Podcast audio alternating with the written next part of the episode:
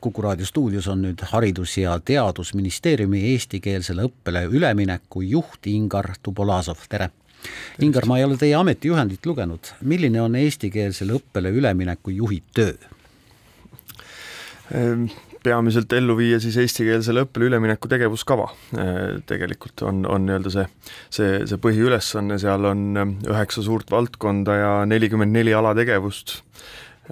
erinevates nii-öelda valdkondlikes lõikudes ja, ja nii-öelda nende, nende tegevuste nii-öelda siis tulemuspärane ja aja, ajakohane elluviimine, jah. nii et tööd jagub, võiks arvata, selle suure hulga punktide ja suuremate teemavaldkondade peale ka. Ja ilmselgelt on paratamatult ka tagasilöögid selle töö osa, suuremad probleemid me eeldame, et on siis mõnes paigas Ida-Virumaal ja mõneti vist ka Tallinnas eks ta pu-, suuresti puudutab äh, kahte maakonda Eestis äh, peamiselt, et äh, ja, ja nii-öelda sisulises mõttes tahaks, tahaks ikkagi öelda seda, et et, et sellist sisulist tagasilööki ma isegi täna ei, ei saaks seda nagu mõistet kasutada, küll aga teatud kohtades tuleb tegeleda selle nii-öelda motiveeritusega, et, et, et inimesed saaks aru ja, ja oleks nii-öelda eesmärgile pühendunud, mitte ei otsiks äh, tagauksi, äh, aeglasemat tempot, äh, kahte sammu tahapoole võib-olla tegemist ja ühte edasi, et et, et see on see väljakutse. see kõlab nagu eneseabikoolitus praegu. ei, see on selline, ma arvan, et muutuste juhtimine. ahah, selge. Narva linnapea Jaan Toots on küll paari kuu eest avalikult korduvalt öelnud, et ilmselt vajab see valdavalt venekeelne piirilinn eestikeelsele õppele üleminekuks ajapikendust. tema sõnul on kõige hullem olukord lasteaedadega just nimelt milline on teie teadmine Narvast või Sillamäelt? Need õpetajad, kes nüüd peaksid hakkama siis esimesest septembrist eestikeelsele õppele üleminekut ellu viima, need õpetajad siis peavad vastama kõrgtasemel, eks ole, eesti keele nõuetele, need õpetajad tegelikult suures plaanis on olemas. et, et jah, Äh, teatud kohaliku tasandi otsused võivad seda teha keerulisemaks, sõltuvalt ähm, ma ei tea, lasteaia ja kooli võrgu küsimustest näiteks, et kui optimaalselt on need õpetajad jaotunud erinevate haridusasutuste vahel, aga suures plaanis on keelt oskavad õpetajad olemas, me näeme, et neid tuleb süsteemi juurde, Ida-Virumaale tuli kõrgema palgatoetuse ajendil juurde äh, sügiseks äh, juba circa sada inimest, täna me menetleme nii-öelda siis uut Äh, kõrgema palgatoetuse perioodi, just jõudsime eelmise nädala lõpuga kokku võtta kõik, kõigi KOV-ide taotlused, me näeme Narva näitel, et veel on mitukümmend inimest mõne kuuga nii-öelda siis haridusasutustes seal liikunud, äh, nii et, nii et tegelikult äh, see, pilt ei ole absoluutselt mitte lootusetu. Narvas, kui me jätame Jõhvi kõrvale, kus sisuliselt eestikeelsete õpetajatega probleemi pole laias laastus, siis kõigist suurematest omavalitsusest, mida eestikeelsele õppele üleminek nii-öelda hõlmab või puudutab, on äh, täna keeleõppes osalejate protsent Narvas kõige parem kõigi teiste KOV-idega võrreldes. see on hea kuulda, mainisite nüüd kohaliku tasandi erinevaid otsuseid. kohalikud omavalitsused on koolide suurimad pidajad, kas olete täheldanud oma töös ka nii-öelda päris reaalset vastutöötamist, sõltuvalt sellest, mis poliitikat koha peal aetakse? seda ei saa öelda, et, et päris selgelt nagu vastutöötamist on, et, et keegi ei taha. pigem võid kohata siis erinevaid ettekäändeid, miks ei saa Mm -hmm. noh, kas või nüüd see ka hilisem äh, Narva näide, et, et, et saab küll ja, ja seda ongi vaja nendele inimestele sisendada, need on, need on circa kakssada inimest, kes täna on Narvas keeleõppes ja and-, anda neile nii-öelda selles keeleõppeprotsessis hetkel, mis ei ole kindlasti mitte lihtne ja, ja nad on paljud läinud sinna olude sunnil, sest, sest nad muidu kaotavad töö, eks ole, loetud kuude pärast. anda nii-öelda selles olukorras seda sõnumit, et aga äkki ikka saab kuidagi teistmoodi, äkki me siin kuidagi suudame nagu te teistmoodi toimima hakata, siis, siis ma arvan, et, et, et see ei ole aus äh, nii-öelda sellist, mõnes mõttes võib olla see demoraliseeriv või, või anda ikkagi seda lootust, et äkki ei tule, et täie tõsidusega tuleb selles protsessis olla, eesmärgile pühendunud ja anda seda sõnumit, sest äh, jah, see, see muutus vajab pingutust. pingeid, erandeid ei tehta? ei. seda on hea kuulda mis siis kõigepealt motiveerib, tegelikult te suurima motivaatori ütlesite ära, see on ikkagi see motivatsioon, et inimene kaotab töö ja seda ei taheta. pikaaegne sissetulek, omandatud eriala, kõik muu säärane, aga nagu mainisite, see paarsada on ikkagi päris hea number, see peab olema päris korralik nii-öelda palgamotivatsioon ka tagasi jaa, selles mõttes, et Ida-Virumaal me räägime nüüd õpetajate miinimumpalk, mis on siin nüüd pikalt teemaks olnud, siis äh, meie tänase Ida-Viru kõrgema palgatoetuse tingimustes õpetajatele koolis äh, tugispetsialistidele samuti, äh, on siis nii-öelda see täiendav palgalisa mõni euro üle üheksasaja euro juurde veel õpetaja miinimumile Ida-Virumaal vastates nendele tingimustele, nii et noh, Ida-Virumaal olles kõrgtasemel eesti keele valdaja, ja siis on jah, tõepoolest palk üle kahe tuhande seitsmesaja euro.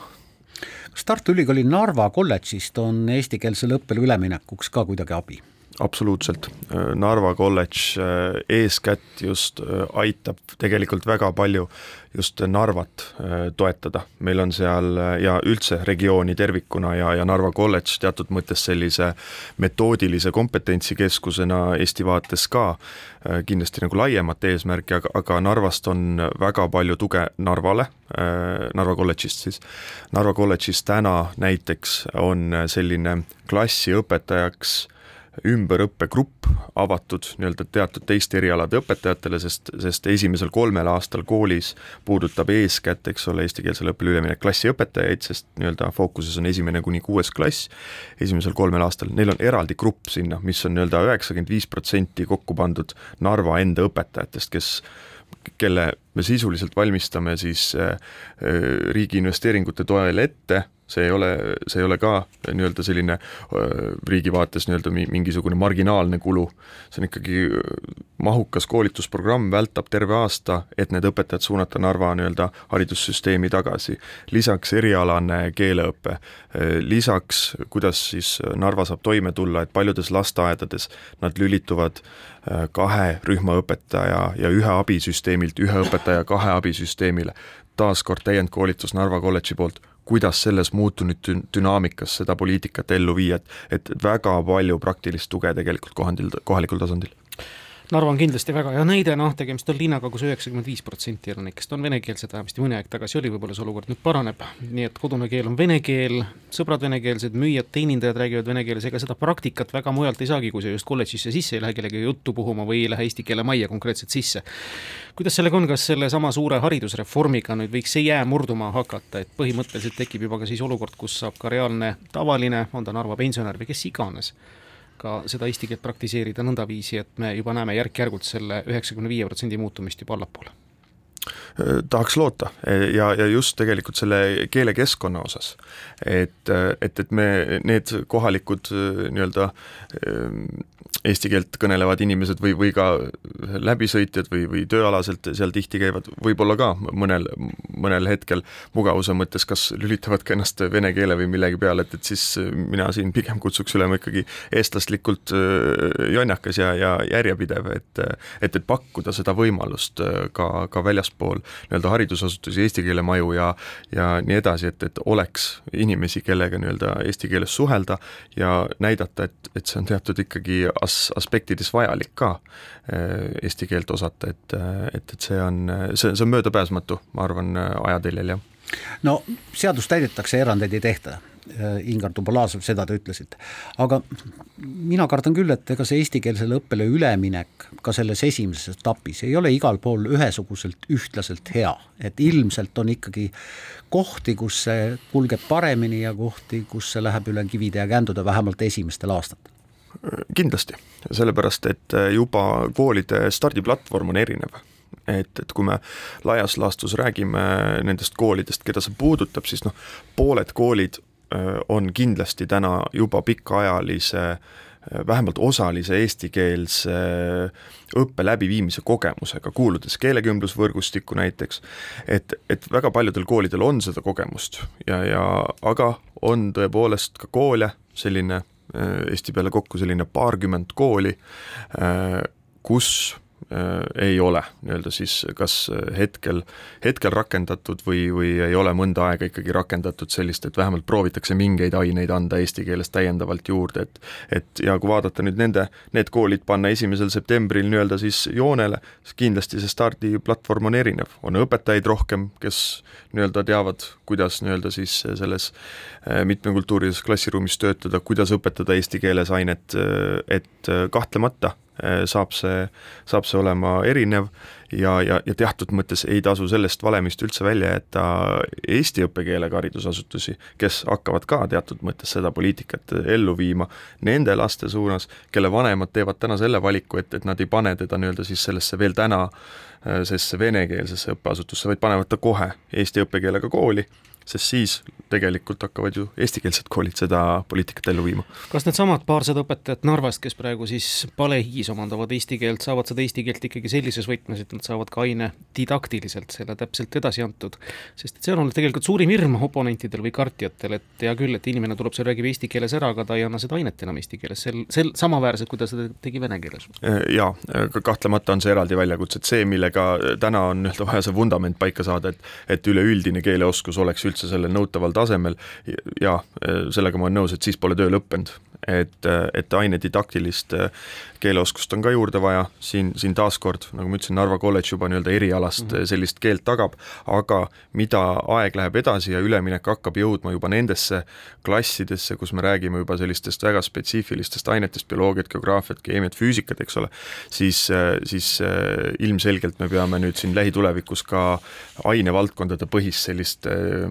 keelealast sõnavara äh, koolitust ja didaktilist äh, koolitust juurde andma. siin ei saa midagi tõlkes kaduma minna. august on peagi käes, peagi on käes ka esimene september. kas ministeerium kavatseb kuidagi kontrollida selle seaduse täitmist lasteaedades ja esimeses ja neljandas klassis või selle kvaliteeti või kontrollib seda keegi teine? absoluutselt äh, kontrollime, kontrollib seda, kontrollime seda läbi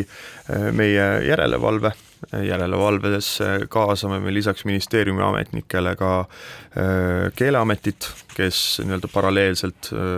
õigusaktide kontrolli ja kõige muu juures vaatavad siis selle personali keeleoskust, kellele on eraldatud kõrgemat palgatoetust, kes paberil peaksid seda poliitikat ellu viima. Et kindlasti kontrollime ja meil on tasemetööd, iga-aastased tasemetööd, kus me vaatame neljandate klasside õpetajate. aitäh, et tulite Kuku stuudiosse, Haridus- ja Teadusministeeriumi eestikeelsele õppele ülemineku juht Ingar Tubulazov